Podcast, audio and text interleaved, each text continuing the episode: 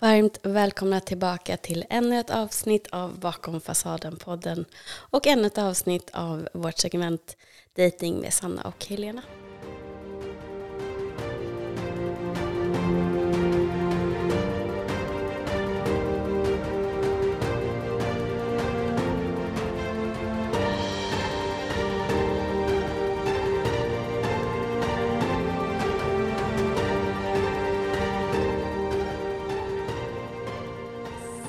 Äntligen igen. Ja, we're back. Yes. Jag tycker vi känner, känns som att vi sitter ännu längre ifrån varandra nu när vi flyttat om lite med mickarna. Jag kände nästan att jag ville så här, komma närmare. Jaha, jaha. Exakt. Vi har ju tänkt att ehm, vi har pratat själva också rent privat om just det här med mönster och eh, anknytning kommer ju hela tiden upp i allt vad man än pratar om när det gäller relationer. Så att vi tänkte helt enkelt att eh, idag så ska vi prata om det här när man har gjort ett jobb och får majoritet trygg anknytning när man gör sina tester. Och även känner att men jag blir fortfarande triggad av en otrygg person och deras agerande. Är det då så att man kanske inte är så trygg som man tror? Eller är det helt enkelt så att det är så livet ser ut? Den eh, sanningen till det är väl att det är så livet ser ut. Eh, jag tänker just att det här med att tro att det är väl så att det är så sanningen är. Vi kommer alltid bli triggade. Skillnaden är väl när man har gjort det här jobbet och liksom kommit mer mot en tryggare anknytning är att man kan sätta det i perspektiv. Att inte liksom kanske gå in i den här att låta sig bli triggad och liksom gå upp i varv och börja analysera och överanalysera. Utan att man kanske faktiskt kan dra sig tillbaka och vara så här, okej, okay, den här personen triggade mig. Vad kan vara anledningen till det? Mm. Kanske sa någonting riktigt elakt. Absolut att man blir triggad då. Triggad för att det ändå väcker någonting gammalt som ligger där under ytan och som man vet om ligger där men som ändå får liksom följa med en och så vidare. Mm. Och det tänker jag, så kommer det ju vara hela livet. Jag menar om någon kommer upp till mig och säger vilken jävla idiot du är Sanna, det är klart som fan att jag kommer bli triggad. Mm. Oavsett hur trygg jag är. Liksom. Okay. Eller i kärleksrelationer eller i vänskapsrelationer, oberoende. Jag menar jag har ju haft en ambivalent otrygg anknytning och liksom den har rullat över. Jag fick ju senaste testet fick jag lätt undvikande eh, mot det trygga då. Och då kände jag bara så här, ja, det där ambivalenta det kommer väl alltid finnas i mig på något sätt. Jag menar till exempel, vi tar det här exemplet med att man inte eh, får svar på ett sms. Liksom. Och jag menar framförallt som vi har pratat om du och jag, just det här med att nya människor som kommer in i ens liv, man vet ju inte hur deras kommunikationsmönster ser ut, så därför måste man vänja sig vid det. Och innan man liksom vant sig vid det och förstått hur de kommunicerar så kan man ju fortfarande bli lite triggad att så här, ja men som i början kanske med vår relation, vår vänskapsrelation, att så här, okej nu har Helena inte svarat här på två timmar. Hmm, hon sa ju att hon skulle sitta med, med telefonen. Och du vet man börjar komma upp i de här tankarna och då kan jag vara så här, nu kan man ju säga, okej men vet du vad, låt henne hon, hon, hon, är säkert upptagen. Jag lägger inte det här, det handlar inte om mig. Vi lägger det på henne, hon är säkert upptagen. Hon återkommer när hon liksom kan. Och sen så jobbar man sig framåt och så lär man känna varandra och sen så ser man sina mönster. Mm. Men det kommer ju vara så i början. Vi kommer att bli triggade. Men det är också något positivt i det, för det, vi lär ju oss varje gång vi blir triggade. Hur jobbigt den känns, liksom att så här, du får gå och bli triggad 70 gånger om dagen, men vi lär ju oss någonting från det. Mm. Sen tror jag också att man har kanske en övertro på den personen som har haft en trygg anknytning hela tiden. Att de inte ska påverkas av någonting runt omkring dem. Att de hela tiden ska stå så himla stadigt och inte ta åt sig, inte ta saker personligt. Och det är inte riktigt så det ser ut heller. Utan en person som är otrygg i sin anknytning kan ju trigga även den mest trygga personen. Men skillnaden är att man hanterar det på ett annat sätt. Reaktionen kommer upp hos oss alla, men vi kanske inte agerar på känslan och tanken som kommer upp. Exakt. För det är ju lite grann med just trygg anknytning är ju hur vi relaterar till andra personer och andra händelser. Mm. Att en sak som är jättejobbigt så kan man vara så här, okej okay, men hur, hur, ska jag, hur ska jag tackla detta? Att man på ett tryggare sätt i sig själv kan hantera just det här. Jämfört med när man kanske då sen tidigare var i den ambivalenta eller om man är undvikande. Att det blir så himla liksom stort och det går liksom inte riktigt att ta tag i det på ett sunt sätt. Eller man ska säga. Mm. Och menar, jag har, hade en tendens väldigt mycket förr att liksom gå upp i det här worst case scenario. Typ att om jag säger att ja, nu träffar jag den här killen, ja men han kommer ju till slut vara, vi säger otrogen och sen kommer han ju göra det här och så spann jag vidare så långt till slut att liksom, ja men du vet att det var ju katastrof hela vår relation. Det är klart att de tankarna kan komma fortfarande ibland så här när man säger att ja, men nu har vi haft en, vi säger att dejtar en kille och vi har haft en jättefantastisk härlig stund tillsammans och sen kommer de här tankarna automatiskt att säga, ja fast han kommer ju visa sig imorgon att han inte vill ha dig. Skillnaden nu är ju att jag är så här, hallå, var ska du någonstans? Det där, det där är ju scenarion som inte ens har hänt. Mm. Varför skulle du ens börja fundera i de banorna? Och så stannar jag mig själv och så går jag inte vidare. Mm. Den skillnaden är ju enorm. För att annars så skulle man ju som du säger det här med övertänkandet kunna landa i liksom att ja, man ligger som en blöt fläck på golvet och det kommer bara bli katastrof. Jag kommer inte dit längre för jag stannar upp mig själv och kan säga till mig själv att haha, det här är din hjärna som leker med dig nu. Stopp, stopp, stopp. Liksom. Ja, jag känner ju verkligen igen det också och jag tror att det är många som lyssnar som, särskilt om ni känner igen det här otrygg ambivalenta. Jag hade ju redan föreställt mig slutet innan relationen började många gånger. Och jag tror att det helt enkelt har att göra med att särskilt ambivalenta har ju otroligt svårt med ovisshet. Och då blir det lättare att katastroftänka och föreställa sig så att du ändå tycker att du vet vad som ska hända. För då vaggas du in i en, ja, en falsk trygghet helt enkelt. Att ja, men det här kommer hända. Och sen så börjar du ofta testa den andra personen för att liksom pressa den att visa sina sanna färger och sitt rätta jag. Medan det, liksom, det blir ju inte bra för någon. Men då får du ju ändå på något sätt din profetia besannad. För att ja, nej, det höll ju inte, det var ju det jag visste. Liksom. Exakt. Och så påverkas eh, hjärnan ännu mer av att du, di, dina valda sanningar i det här fallet. Exakt. Och det är ju också ett sätt att skydda sig från att vara sårbar. Ja. För då tänker jag, okej, om det ändå kommer sluta i katastrof om två månader, då är det ingen idé att jag är sårbar och visar mina känslor nu. Så då håller jag inne dem och så liksom lever jag i de här tankarna att ja, men snart kommer det, snart kommer det.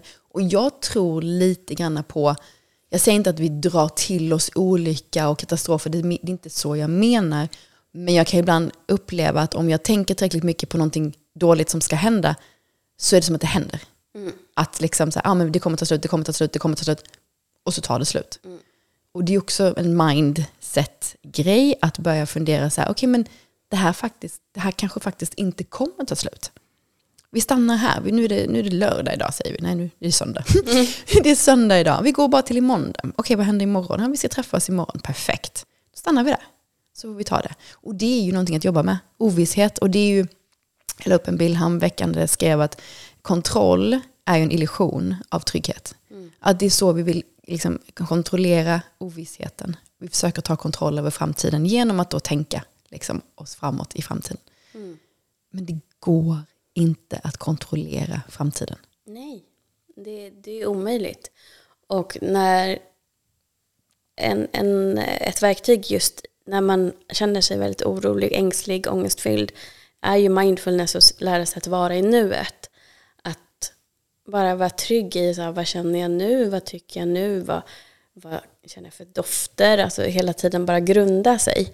Det är ju någonting som jag också tog hjälp av i början av min resa, som jag tyckte var jättevärdefullt för att precis som du säger, det går inte att påverka vad som händer. Jag vet inte ens vad som kommer hända sen när du går ut härifrån lägenheten. Alltså det worst case scenario. Jag kan börja tänka, hon kanske kan bli påkörd när hon går ut på gatan. Ja, det skulle kunna hända. En meter i år kan också falla ner på jorden, det vet vi inte. Men det kan också gå jättebra. Exakt. Liksom. Och, och då blir det lite sådär, men, men varför ska jag ens tänka på det? Vad i mig gör att jag ens börjar ta upp de här tankarna? Och få börja där och få liksom lära sig att hålla sig själv eh, och, och vara i det. Och det är det som händer också att när jag blir triggad idag så kan jag sätta mig ner och göra en liten snabb genomskanning. Okej, okay, Okej, vad är det som väcks i mig? Vad är det för känslor? Vad är det för tankar? Um, och sen är det faktiskt mitt ansvar att uttrycka det till den personen som jag blivit triggad av. Att eh, uttrycka att nu blev jag ledsen eller besviken eller vad det nu är för någonting. För att du gjorde så här. Det jag känner nu är X, Y, Z. Då kan den personen välja att möta mina behov när jag uttrycker dem. Om jag säger så här, jag skulle vilja, bara, ja men till exempel ta sånt där att det är någon som inte svarar direkt, som är så här, typexempel som alla egentligen har problem med när man är i det ambivalenta. Om det är så att då att det är en ny person, vare sig det är en ny vän eller en potentiell kärlekspartner, som kanske, för mig till exempel, går in och läser, men, eller är online i alla fall, men inte läser. För mig är det ju två saker som växer. Ett, jag har blivit bestraffad på det här sättet medvetet av en giftig person. Det växer mig fortfarande. Det är ju ett sår som alltid kommer finnas där. Där måste jag lära mig att skilja på honom och andra. Två, det andra som växer i mig är en känsla av att inte känna mig viktig för den här personen, prioriterad. Eh, och potentiellt övergiven. Så det är fortfarande sådana här sår som jag tror hela tiden jobbas på längs med livet. Men kan man stanna upp, pausa, observera vad det är som händer, identifiera vad det är som händer och hålla sig själv i det. Och sen resonera sig fram till att är det här ett verkligt hot eller inte? Och sen testa genom att uttrycka sina behov. Om den andra personen bara liksom eh, tar ner, alltså shut it down vad, det, vad du säger och säger men varför då, vad är det med dig? Liksom, jag kan, kan man inte få jobba ens eller? Alltså beter sig reaktivt tillbaka. Då är det ju upp till dig att ta ett beslut, är det här någon jag vill ha i mitt liv? För den här personen kan ju uppenbarligen inte ha ett moget samtal och bara lyssna på hur saker får mig att känna, utan tar åt sig. Då kanske det inte blir bra, för då kommer det här väckas varje gång det här händer. Medan om det är en person som säger tack för din feedback, så här, var inte, så här blev det nu men det var inte alls min intention. Nu vet jag vad du känner och kan välja och tala om så här, ja, men just nu så, jag vet att jag sa att jag skulle höra av mig klockan åtta, men sen kom chefen in och sa att det här har hänt, vi måste lösa det här nu, så jag blev upptagen. Eller vad som helst, att man bara får en förklaring och sen som du säger, att man lär sig den andra personens mönster med tiden. Men att man hela tiden kommunicerar och förklarar så här, det här hände då och då, eller någon grej som, en grej som jag verkligen uppskattar med dig, det är så här, om, du, om jag skriver någonting till dig eller lämnar ett långt röstmeddelande och du inte har möjlighet att svara eh, så skriver du ofta att återkommer. Då känner jag mig viktig fortfarande. Då blir inte jag triggad. Jag vet att du återkommer när du har möjlighet.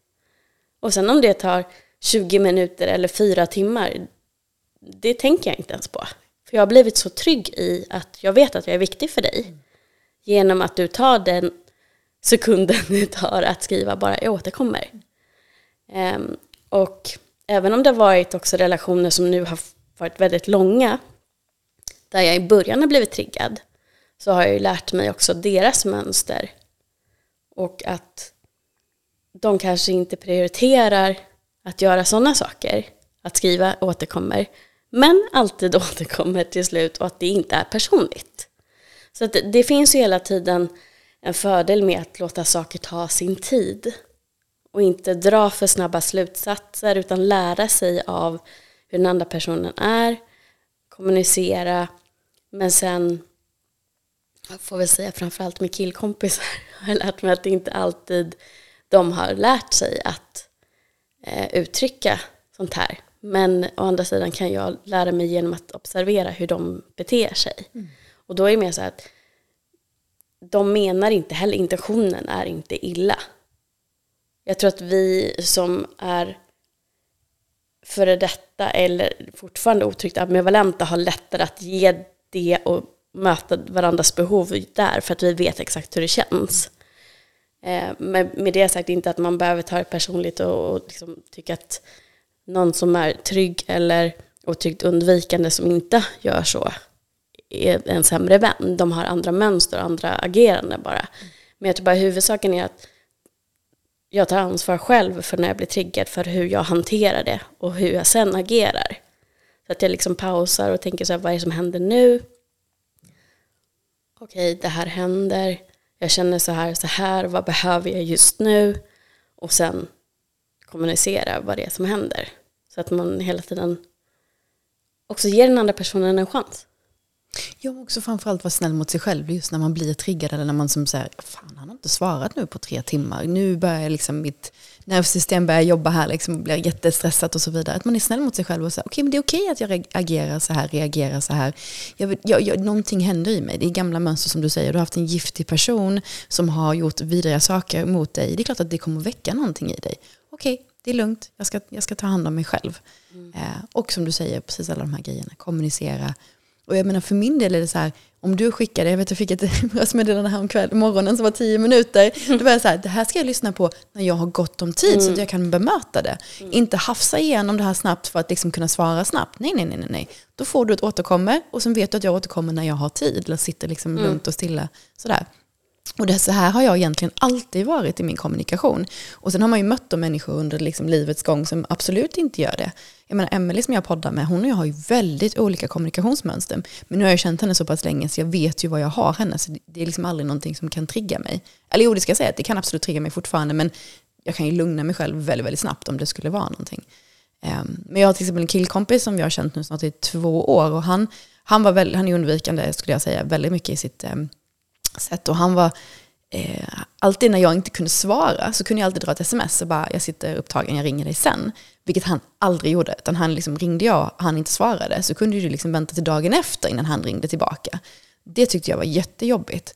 Och vi har kommit så pass liksom långt i vår vänskap att nu är han precis som jag. Att han drar också ett sms och bara sitter upptagen. Eller han svarar direkt om det är någonting. Och svarar han inte på två, tre timmar, då vet jag att han är upptagen på något sätt.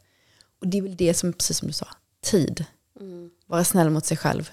Ifrågasätta tankarna hela tiden. Varför tänker jag så här? Är det på grund av situationen idag? Eller är det någonting annat som triggar mig? Mm. Och också göra en avvägning när man lär känna nya personer. Vad är det här för typ av relation? Är det min frisör, då, kan inte jag liksom, då har jag inte samma krav. Eh, att den personen är snabb på att svara kanske. Eh, men då kanske jag vill att de svarar i alla fall inom en vecka om jag hör av mig och vill boka tid. Ja. Om de inte gör det, nej då vet jag att det funkar inte för mig. Eh, är det någon som jag eh, behöver jobb, ska jobba med eller behöver ett svar från jobbsammanhang, ja men då kanske jag tänker så här, ja men jag vill gärna ha svar inom två dagar för sen behöver jag faktiskt slutföra den här uppgiften. Mm. Alltså det beror hela tiden på vad det är för någonting, men är, och är det en nära vän, då vill jag gärna att en person svarar inom 24 timmar. För att annars börjar jag faktiskt tänka liksom, hur viktig är jag för den här människan? Och också för att jag vet att det är det vad jag ger till den tillbaka. Ja, och oftast vet man ju hur ens närmaste vänner lever sina liv. Så man mm. vet ju att det finns ungefär en lucka där det finns 5-10 minuter där de faktiskt skulle kunna svara säkert. Liksom. Mm. Annars så meddelar man ju, precis som så här, du vet att jag är bortrest nu i två dagar, det kanske blir svårt för mig att sitta liksom och spela in röstmeddelanden och så vidare. Ja. Men då vet man ju sådana ja. grejer. Så då behöver man inte tänka liksom att det handlar om någonting om en själv när man är i de där tankarna. Liksom. Mm. Men det är också en fördel med att jobba med sin anknytning tycker jag att man tar ju så mycket mindre saker personligt. Mm. Ju mer trygg man är i sig själv. Och jag, jag vet att jag kom på mig själv med att nej just det, nu har jag inte ens reflekterat över det här. Som förut kunde få mig att gå igång ordentligt och verkligen så här, överanalysera och, och kanske hamna i någon konstig spiral när jag började kolla upp allt möjligt annat. Har den här personen varit online där? Har den lagt upp något nytt inlägg på Instagram? Alltså massa konstiga saker bara för att försöka skapa mig ett sammanhang och kontrollera. Exakt. För att det på något sätt då skulle vara betryggande istället för att också uttrycka mitt behov. Så här, att ja, men jag skulle vilja, verkligen vilja prata med dig nu eller hallå. Eller liksom bara liksom ta ansvar för att uttrycka mitt behov och ge den andra personen en chans att möta mitt behov. Jag vill ju inte ha någon i mitt liv på nära håll som inte är villig att möta mina behov. Och samtidigt såklart att jag är villig att möta deras behov. Det skulle gälla samma sak även om det var en kille. Om jag möter någon och jag märker att den här personen och jag krockar i någonting och vi kan sitta och prata om det. Redan där blir det bättre förutsättningar för att det ska bli en sund relation om han ens är villig att sitta ner och prata om någonting. Och sen så här, ja, men, säger att okej, okay, men vad behöver du här? Och jag får uttrycka det och han säger så här, ah, jag kanske inte kan göra alla gånger men jag ska tänka på det. Och jag ser sen att det inte bara är ord utan även handling. Då kommer jag fortsätta träffa den personen. Medan om det är tvärtom, då tar jag mig en rejäl funderare på om det här är något jag vill ha i mitt liv överhuvudtaget. Precis, och jag menar, det tänker jag också många som är så här, ja, men om jag uttrycker det här och personen inte möter mig, men då kan jag ju inte, vadå tänker jag, vadå är det du inte kan? Du kan absolut stanna kvar om du nöjer dig med att inte få dina behov mötta. Men risk, det, det man måste komma fram till är att känna sig så pass lugn i att så här, om inte du kan möta mina behov så kommer jag be dig om att göra det. Kan du då fortfarande inte möta mig så måste jag gå härifrån. Mm. Och det, det, måste man ju komma fram till. Man måste känna sig stark i det. Okej, okay, nu kommer jag begära detta från dig. Men om inte jag kan få det, då behöver det ske en förändring. Och det är väl oftast många gånger som jag kan se tillbaka på mina egna liksom, relationer. Att man har sagt att jag vill att du, han är ute sent på helgerna säger vi. Jag vill att du är hemma i alla fall klockan ett. Det känns tryggt för mig. Och fortsätter komma hem fyra, fem på morgonen.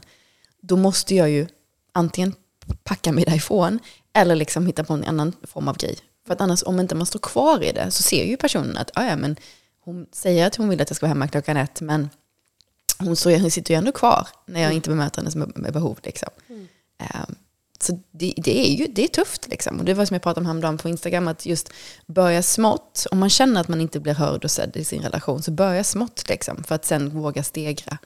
Um, så att, men, men det är ju, och jag märker ju det när man pratar både med klienter och kompisar och bekanta och så vidare. Så just att uttrycka behov och våga stå kvar i att sätta en gräns och liksom, i det.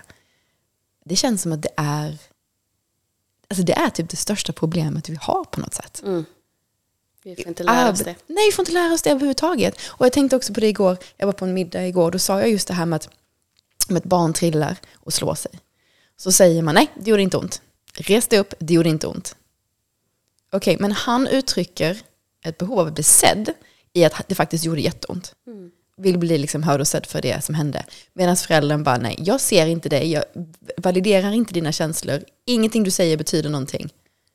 Och att de inte ens kan hålla i sin egen reaktion att mitt barn har ont. Det blir så jobbigt för mig så att jag säger hellre att du har fel i att det gör ont. Exakt. Och då lär sig barnet att mina känslor och mitt uttryck inte är viktigt. Exakt. Så redan från när vi är små får vi lära oss att dina gränser och dina behov är inte viktiga, utan nu ska du göra som dina föräldrar säger. Du ska vara som dina föräldrar önskar att du ska vara och så kör vi det hela vägen upp. Liksom. Mm. Inte konstigt att vi hamnar också i relationer då där vår partner inte möter våra behov eller där vi inte kan sätta gränser mot dem. Mm. Ja. Det är därför jag tycker att det är viktigt också att man när man finner sig i en spiral av att alltid ständigt hamna i relationer som gör att man kör över sig själv och den andra också personen kör över ens behov. Att man också tar en paus och inte dejtar utan fokuserar på att först och främst börjar möta sina egna behov. Ta reda på vad har jag för behov. Pausar och kommer liksom in i en sundare relation till sig själv innan man släpper in en ny människa igen. Så att det inte upprepar sig. Och jag vet också att någonting jag och en eh, tjejkompis pratade om igår när vi var på lunch var att, eh, och det här har hänt mig också, att man går i terapi för en annan sak än kanske sin anknytning. Det kan vara någonting akut. Till exempel när jag gick i, i akutterapi efter jag hade varit tillsammans med den här killen för ja, nästan 20 år sedan och var självmordsbenägen då gick jag i akutterapi för att egentligen hitta livsgnistan igen och vi gick liksom aldrig riktigt till botten med hur vi hade hamnat i en sån destruktiv relation till att börja med. Det enda jag vet att han sa var att ja, du vill leka sjuksköterska och ta hand om andra människor. Men det var aldrig något prat om medberoende eller eh, anknytning. Så det som hände var ju att när jag hade kommit på fötter igen och mådde bra var att, att jag trodde att nu var jag läkt. Nu kommer inte det här hända igen. Jag hade ingen som helst medvetenhet om vad anknytning var. Hade aldrig hört talas om det. Det kanske inte pratades särskilt mycket om det på den tiden heller i och för sig. Men medberoende visste man väl ändå vad det var, tänker jag. Eh, och bara att han pratade om att du vill laga andra människor. hade vi gått till botten bara med det så tror jag att det hade hjälpt jättemycket och hade säkert skapat en större trygghet i mig framöver. Nu menar jag inte att så här gå tillbaka och bara åh gud stackars mig. Utan det, det blev som det blev och det var säkert det bästa som han såg utifrån sina, från sina förutsättningar. Jag menar bara att jag ser fortfarande människor som invaggas i en falsk trygghet när de inte går i rätt terapi för det som faktiskt behöver lagas. Mm. Och att man tror, eller jag undrar så här, där, där undrar jag också lite grann, okej okay, att jag var 25 när det här var klart, eller 26 kanske. Um, då, då, då är jag lite så här, ja men då kanske man inte vet bättre. Men jag tänker så här, det är många av oss som liksom börjar nysta i sådana här saker i 35, 40, 45 årsåldern. Vet vi egentligen inte bättre då att vi inte är läkta? Är det inte så att någonting inom oss ändå säger så att jag är nog inte riktigt klar, men det är mycket lättare att fly från det och ta den personen på orden om de skulle yttra sig på det sättet. Att säga, men nu är vi klara här, nu vet inte om vi kan prata om så mycket mer som jag vet att eh, det finns de som får höra av sina terapeuter. Mm. Men så hamnar ju de här personerna i samma typer av relationer igen. Mm. Tror vi verkligen på riktigt då att det, det, här, det är bara alla andras fel? Det är ingenting inom mig. Eller är det lättast att, att intala sig det? Det är alltid lättare att tänka att alla andra är knäppa ja. inte själv. Eh, och då menar jag inte knäpp på ett dåligt sätt, utan mer menar att, liksom, vi har oläkta barndom, barndomstrauman. Och jag menar när jag började gå i terapi 2012, vilket är tio år sedan nu, så var det mest att jag var så arg hela tiden. Och att jag var så här, jag måste liksom reglera min ilska, jag måste ta tag i den liksom, och få den att ja, bli mer liksom, kontrollerad, tror jag till och med att jag använde. Liksom. Men jag menar, när jag började sen så var det ju det var ju just att jag inte hade satt gränser. Jag har inte satt gränser på hela mitt eh, 38 år, eller vad var jag nu? Vad var jag 2012? Då var jag 28. Mm. Eh, 20, eller 29, 29 år. Jag hade inte satt en gräns liksom. Alla gick över mina gränser. Det är inte konstigt, jag var arg. Jättearg, men jag förstod ju inte varför jag var arg. Mm. Och sen så började man i terapi och sen gick man en, en stund och så kände man, ja, men nu känner jag mig klar. Jag känner mig liksom, jag var lugnare, jag mådde bättre och så vidare. Och, så vidare. och sen gick det ett tag och så hamnade man i en dålig relation och så var jag så här, men jag var ju frisk inom sådana situationstecken. ja. Vad pågår här? Nej, vi får nog ta en runda till i, i terapi. Men just tror jag där att, för, precis som du säger, det kanske inte var riktigt rätt terapi. För det är ju inte för de senaste åren som just det här med anknytning och att jag börjat förstå att så här, aha, det är det här som är grejen varför jag hamnar i de här relationerna. Det är de mönstren jag måste bryta. Mm. Men det är klart att terapin har ju hjälpt jättemycket ändå, det säger jag inte. Mm. Men just när man börjar med någonting, att man kanske inte riktigt vet vad det är som man behöver läka mest eller kanske fokusera på mest. Ja men det är ju samma sak om, om vi ska dra en jämförelse som kanske är lättare att förstå om man inte är insett i det här. Säg att du har jätteproblem helt plötsligt att gå. Och ditt högra ben, alltså det är någonting som inte stämmer. Så du går och undersöker foten. Men i själva verket så är det någonting i ditt ryggslut som inte lirar. Men du behandlar foten och sen, mm, nej men nu känns det nog bättre. Och sen kommer det tillbaka. Och så kommer det tillbaka. Mm. För att du har inte gått så långt ner så att du har hittat orsaken. Och det är det jag ser här också. Och jag tänker, jag har fått, tack så jättemycket förresten allihopa som hört av er efter det här avsnittet som jag gjorde när jag förklarade traumatisk bindning. Um, det är jättemånga som har hört av sig. Och jag skulle säga gemensamt för er som har hört av er, ni har väldigt olika historier, men jag tycker också mig se en röd tråd att det är väldigt många som glädjande nog söker hjälp. Men att de kanske går till någon som pratar om destruktiva relationer. Och det kan ju förklara, eller läka att man liksom akut, den akuta smärtan blir läkt där. Men du måste ju fortfarande gå tillbaka till, har du ett medberoende? Um, är du högkänslig? Har du en ambivalent otrygg anknytning? Sådana här saker som vi vet, vi som är insatta, oftast ligger där under som gör att du blir mer benägen att söka dig. Eller dras med kanske jag ska säga, i en giftig relation och vara med giftiga personer. För att du är mer benägen att vilja läka och gå in i andra personers problem och lägger ditt värde på att vara behövd, eller i att vara behövd.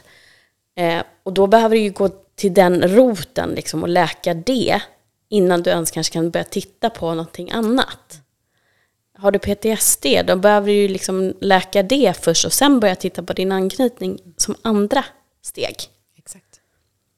Så att det, det är så olika, för att ofta frågar folk också, men vad gjorde du? Ja, vad gjorde jag? För att jag tror inte heller att man kan gå efter vad jag gjorde. För att jag är ofta en sån här person som lär mig lite om en sak och sen går jag lite dit och sen går jag lite dit. Och samlar ihop mig så att det blir, skapar en helhetsbild. Den terapin jag gick i är egentligen att du, alltså psykosyntes, det är att man utgår från potentialen i en människa och ser det som att du, du har liksom flera skal som du och längst inne så har du roten, det autentiska jaget som får komma fram. Men vägen dit, bara inom psykosyntesterapi kan se väldigt olika ut. För mig var det att mycket gestalta olika mm, saker, nästan som teater, men det var också rita. Och, och liksom, det funkade för mig, men det var egentligen inte så att jag gick till någon som var expert på anknytning. Utan vi blandade in det lite grann. Men mycket av det har jag lärt mig på egen hand. Och sen med hjälp av att jag kände mig stärkt som människa genom den terapin. Och samlade på mig i massa eh, bra kunskap också genom att jag hade börjat podda vid det här laget. Och fick lära mig av andra. Då blev det liksom sammantaget ett, ett bra recept för just mig. Men det säger ju inte att det skulle vara rätt för dig eller för någon annan heller. Jag tror man måste känna efter, så här, vad är mitt behov? Och sen gå till någon som har trauma, Ehm, som, alltså traumakunskap. Så att de kanske kan börja nysta och se, ja men det här skulle vi nog behöva titta på. För det är inte alltid man vet i början själv. Men också att man som terapeut, om du är terapeut och lyssnar på det, att om du känner så att den här personen har en tyngre, tyngre problematik än vad jag har kunskap och möjlighet att lära och hjälpa till med. Att man också då säger vet du vad, jag tror du behöver titta på det här. För det vet jag till exempel att BOT pratade om att de ofta får folk till sig på Training for Love. Um, deras terapi och parterapi och där de pratar med folk som inte vet om att de har till exempel kärleksberoende. Och det är ingenting som de känner att de kan hjälpa till med. Men de har kontakt med kliniker som är specialiserade. Att de då säger så här, vid, ja, med välvalda ord och så vidare, liksom försöker få den personen att förstå att du kanske behöver ytterligare hjälp, mer specialiserad på det här sättet. Men precis. Men det är det jag tänker att man, om man känner att det är någonting som gör att man inte känner ett lugn i livet, att man känner sig inte liksom nöjd, man kommer inte dit man vill och så vidare. Att våga ifrågasätta.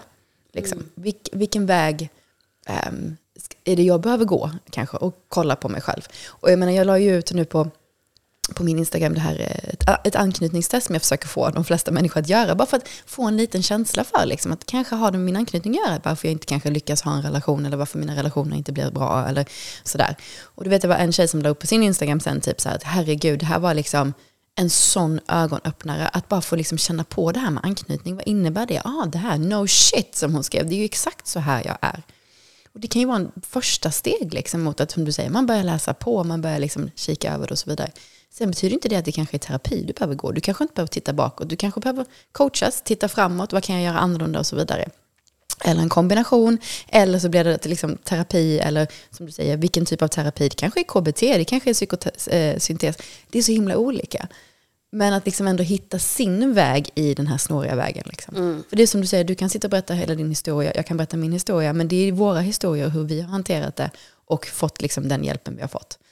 Um, ja, Alltså jag tror att ett, var mottaglig. Två, känn att du är modig nog att våga titta på var det egentligen kommer ifrån.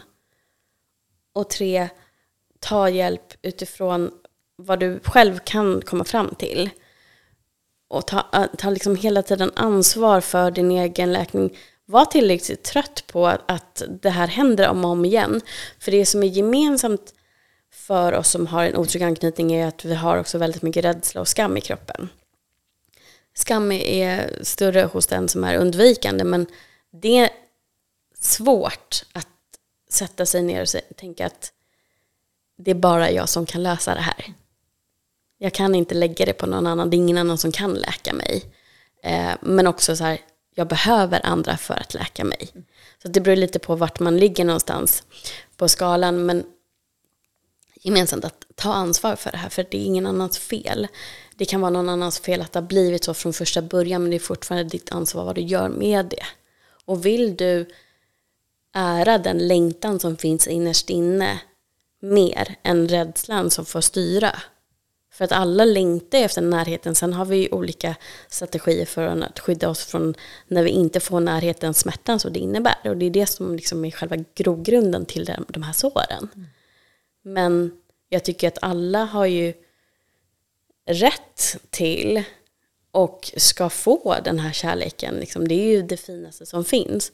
Sen tycker jag också att det finaste som finns längs med vägen är kärleken till sig själv som man upptäcker. Och den ska man inte förringa heller. Verkligen inte. Och det är den bästa kärleken tycker jag, när man verkligen känner genuint, jag menar, det här att älska sig själv, jag vet inte, det är, det är ganska stora ord, men att verkligen så acceptera den jag är och den jag har blivit och vad jag är i livet är verkligen så här, ah, vad härligt att jag får vara den jag är och verkligen njuta av sig själv. Sen har vi dåliga dagar när man är så här, gud jag är trött på dig själv. Jag är så trött på dig Sanna. Jag är så trött på dig. Men, men så är det ju med allt tänker jag. Men att genuint kan jag tycka att jag tycker om mig själv. Jag tycker att jag är en bra person. Och jag, tycker liksom, jag trivs med att vara den jag är.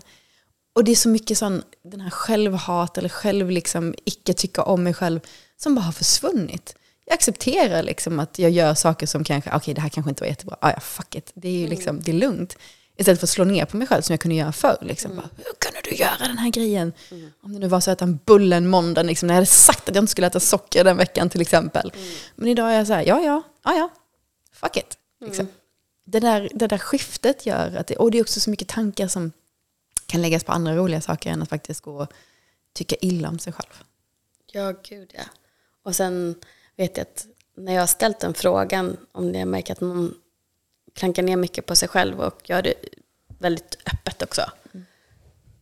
Då brukar jag säga så här, var har du hört det där någonstans första gången? Var kommer det ifrån? Mm.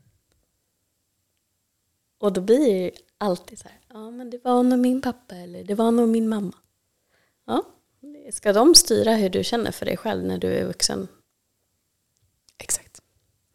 Så att det, det vi vill ha sagt är väl att våra mönster har gjort dem till de vi är. Men det behöver inte bara vara dåligt, det kan också vara en jättefin lärare för vad vi kan göra för att hela tiden utvecklas. Så att man blir aldrig färdig och det var ju skittråkigt. Tråkigt om man blev liksom helt färdig. Bara, nu kan jag inte utvecklas nu, men nu kommer jag vara samma person resten av livet. Exakt. Så är det ju inte. Men du kan ju bli betydligt tryggare och som du har uttryckt så bra också, så att det blir tyst i huvudet för att man slutar övertänka och slutar analysera allting. Eh, när man blir trygg med att det är som det är och vad som än händer kan hantera det. Att man då gör som vi pratade om i början, att man liksom stannar upp, observerar vad det är som händer och sen kan gå vidare och bara släppa taget om grejer. Mm. Eh, men att bli triggad är mänskligt och blir triggad av någon som beter sig på ett sätt som gör ont, det är också, det måste, vill vi inte skala bort. För det talar ju om om det här är en person som ska få komma dig nära eller inte. Exakt. Summerade du det väldigt bra, tycker jag. ja, vi kommer fortfarande bli triggade. Ehm, sen får ju du såklart som, som lyssnar tänka så här, men vad gör jag när jag blir triggad? Och så får jag utgå från det för att liksom lite se vart någonstans du är på resan. Och sen kanske det är så här att du redan, eller fortfarande går i terapi eller coaching och att du kan ta upp det då med den personen bara för att få ytterligare vägledning och insight just på din situation. Nu sitter vi och pratar väldigt mycket utifrån oss själva. Mm. Men det är ju absolut sånt som jag jobbar med mina klienter, att så här, skriva ner skriva ner. Och jag är ett väldigt stort fan av röstmeddelande. Liksom. Mm. Både till kompisar, men jag har väldigt mycket på min voice memo på appen där. När, jag, när det händer någonting, när jag blir triggad. Och det är också det här som jag pratat om på mina sociala kanaler, just det här med att inte reagera, utan först lugna sig. Låt ta dig tiden att få fundera över vad det var som hände. Om jag får ett sms från en person och jag känner så direkt att kroppen bara reagerar. Okej, okay, någonting hände här. Lägg undan telefonen eller ta telefonen och gå bort och sätta dig i ett hörn och bara prata in ett röstmeddelande till dig själv. Nu blev jag triggad för att han skrev att vi skulle ses imorgon men helt plötsligt kan han inte träffas. Varför kan han helt plötsligt inte träffas? Inte, vill han inte träffa mig? Och så går man upp i den här spinnen. Okej, okay, då spelar jag in det röstmeddelandet och så sänker jag för mig själv. Så, nu har jag skickat ut det till universum och till det här meddelandet. Jag tänker inte fundera på det här nu. Nu går jag tillbaka till jobbet, sätter mig och jobbar en halvtimme. Kroppen lugnar ner sig. Jag känner hur den här känslan av obehag börjar försvinna. Lyssnar av meddelandet. Vad sa jag till mig själv? Okej, okay. jag var ju jätteupprörd i den här stunden. Det, hade jag svarat på meddelandet då så hade det blivit någonting som jag inte vill säga. Mm. Och sen så när jag då känner att okej, okay, ja, nej men han har väl antagligen gjort andra planer. Eller han skulle träffa någon annan. Eller det blev dubbelbokat. Då får det vara så. Det är helt okej okay för mig. Och sen så kanske man skickar så bara, ah, vad synd att vi inte kunde träffas. Och jag vet, det här var en grej som triggade mig för ett tag sedan. Och när jag då skrev så här, ah, vad tråkigt att vi inte kan ses, så skrev han, han bara, ah, jag är skitirriterad på att det hade blivit dubbelbokat. Och så kom det en förklaring liksom. Och då tänker jag så här, ah, vad skönt ändå att jag väntade med, för hade jag kastat mig över honom då och bara, vadå, varför har du liksom, hur kan du göra så här mot mig typ? Vi säger att det hade varit så. Mm. Um, så hade det kanske blivit en helt annan diskussion. Men jag lugnade ner mig. Jag tänkte att det handlar säkert inte om mig. Och det gjorde det inte. Det handlade inte överhuvudtaget om mig. Det var dubbelbokat från hans håll. Liksom. Mm. Och framförallt för min egen skull, skit i honom, men för min egen skull, att få lugna ner mig och ta ett beslut i när jag är vid mina sinnens fulla bruk. Jag är lugn, jag är i kontakt med mig själv och var så här, okej, okay, vad ska jag ta för beslut i det här? Mm. Så att ni ska bara se hur många röstmeddelanden jag har. Just när, just när det kommer en sån här trigger, att man bara så här, okej, okay, jag reagerar på det här. Var, varför gör jag det? Mm. Det behöver inte alltid vara någonting. Man kan ju komma fram till att det var så här, ja, men jag, kanske, jag har ju sovit skitkast den här veckan, till exempel, som du pratade om att du hade inte sovit. Och liksom. Jag kanske reagerar extra mycket nu. Liksom. Jag tänker också för kvinnor, liksom, när man har PMS eller man är precis innan mensen, som jag kan ju vara väldigt, väldigt, väldigt känslig vissa dagar innan mensen. Då är jag också väldigt mycket mer snälla mot mig själv. Jag så här, reagerar jag för att jag reagerar eller finns det någon annan anledning? Liksom? Och så suger jag på karamellen ett tag. Tills jag inser att nej, men det, här, det här reagerar jag på på grund av det här. Det har inte alls med det att göra. Bra, då ska vi ta tag i det här. Liksom. Mm. Men det är jätteviktigt för att jag tror också, för att också gå lite tillbaka till det du sa att du nu kände att, eller när du gjorde ett test så fick du lätt undvikande. För det är också någonting som du och jag pratat om för att jag också kände igen mig i det. Att jag gick från att ha varit i relationer nästan alltid med någon undvikande och då blivit väldigt mycket ambivalent. Um, och sen under läkningsprocessen så märkte jag också att istället för att gå direkt till trygg så gick jag liksom lite mer till undvikande och blev väldigt triggad av människor i min närhet som var ambivalenta istället och tyckte att nej men gud vad jobbiga och, oh, så ängsliga och bara energin var så himla nervös hela tiden. Eh, och hur man liksom kan skifta mellan och störa sig på saker som man själv är skyldig till. för, men jag tror att, nu vet ju inte jag exakt för jag har inte läst det här någonstans att det är så det går. Men i och med att du sa det och jag kände igen mig så tyckte jag ändå att det är så här värdefullt att ta upp. Eh, att det kan bli så att man liksom slår över till det motsatta just för att man behöver pausa lite där. Mm. Istället för att hela tiden reagera på saker så kan det vara lite skönt att på något sätt stänga ner och stänga av. Och bara så här, nej, men jag vill inte ha någon överhuvudtaget i mitt liv som är okonsekvent. Och att under den perioden så vet jag att jag var väldigt hård mot omgivningen. För jag behövde få skydda mig extra efter en period av att ha släppt in för mycket människor som gjorde mig illa. Och då blev det liksom starkt, alltså det är väldigt viktigt för mig att sätta upp en, ett starkt skydd. Så att jag fick liksom reglera mig och reglera nervsystemet och börja lära mig att skilja på vad är ett hot och vad är ett påhittat hot. När är det så att jag faktiskt går in i en relation oavsett om det är vänskap eller inte med en person som kanske agerar på ett sätt i början och sen drar sig undan till exempel, vilket gör väldigt ont. Och då behöver jag bli jättehård när jag ser sådana här tendenser för att inte ens ge mig in i det. Mm. Och då blev det, även samtidigt som att jag kanske själv drog mig mer åt det undvikande så blev jag också väldigt hård mot de som hade sådana undvikande tendenser. Ja.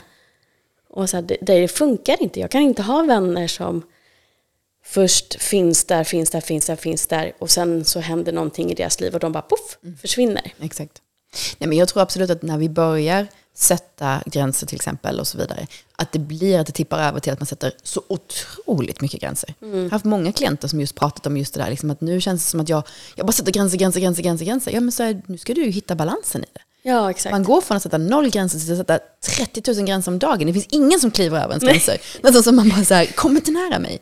Men det blir ju så. Ja. Man vet inte riktigt hur man ska reglera det. Och sen så börjar man lära sig att ah, men, det här är okej för mig. Nej, det här är inte okej. Och så börjar man hitta sin väg. Liksom.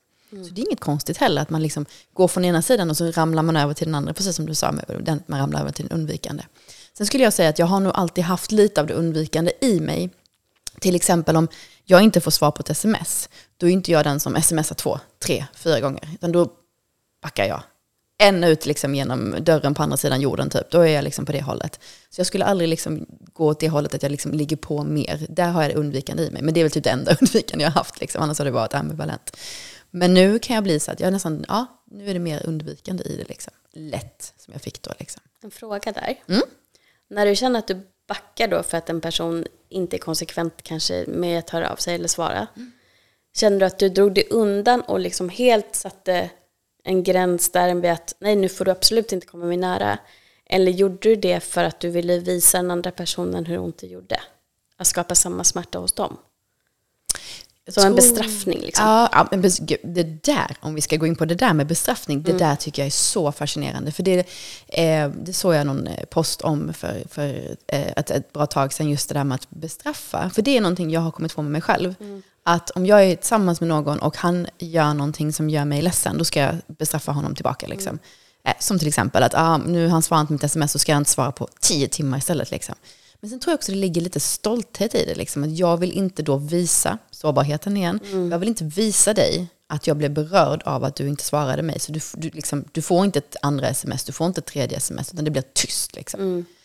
Ehm, så det är nog lite blandat där, liksom. både bestraffning och liksom, ehm, stolthet. Men det är någonting jag också jobbar med eh, nu på, eh, senast jag hade en konflikt här med en, en killkompis eh, och han ville, tryckte på att han ville prata med mig och, liksom, och jag kommunicerade hela tiden. Jag sa det, jag är inte intresserad av att diskutera med dig, du har sårat mig eller gjort mig ledsen.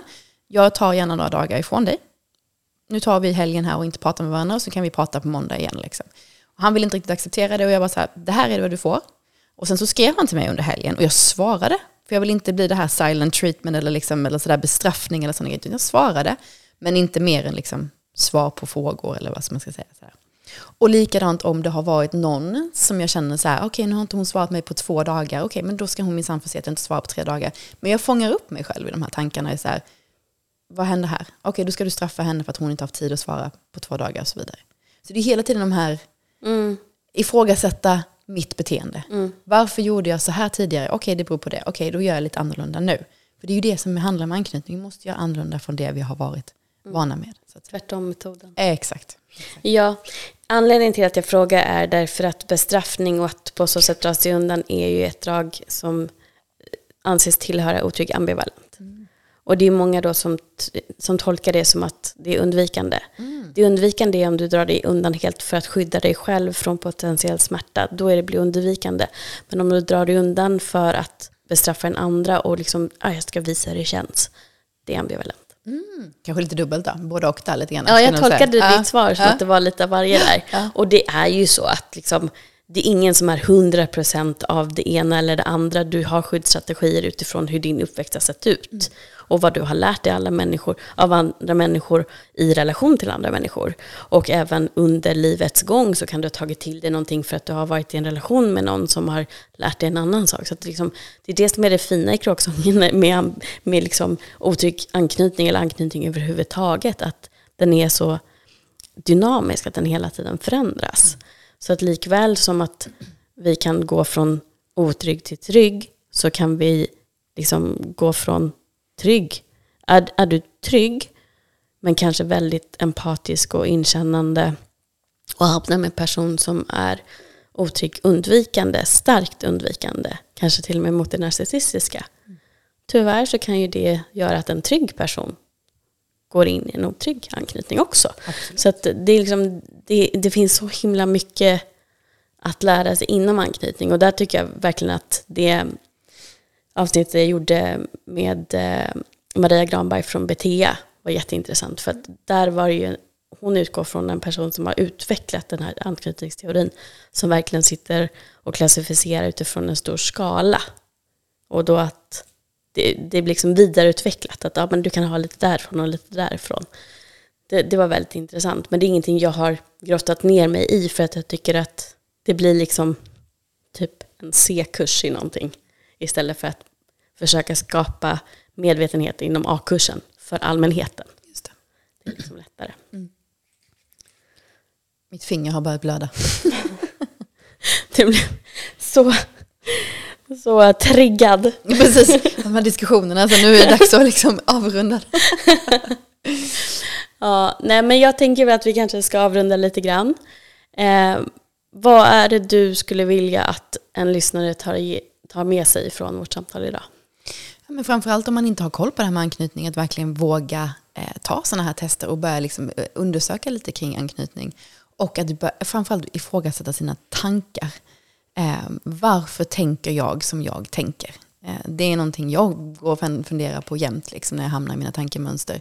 För just eftersom det har blivit så mycket tystare i mitt huvud så funderar jag väldigt mycket bakåt. Hur mycket tid jag har lagt på att tänka tankar om scenarium som aldrig har hänt som aldrig kommer hända eh, och liksom allting sånt. Så det tycker jag nog är så här, ifrågasätt dina tankar.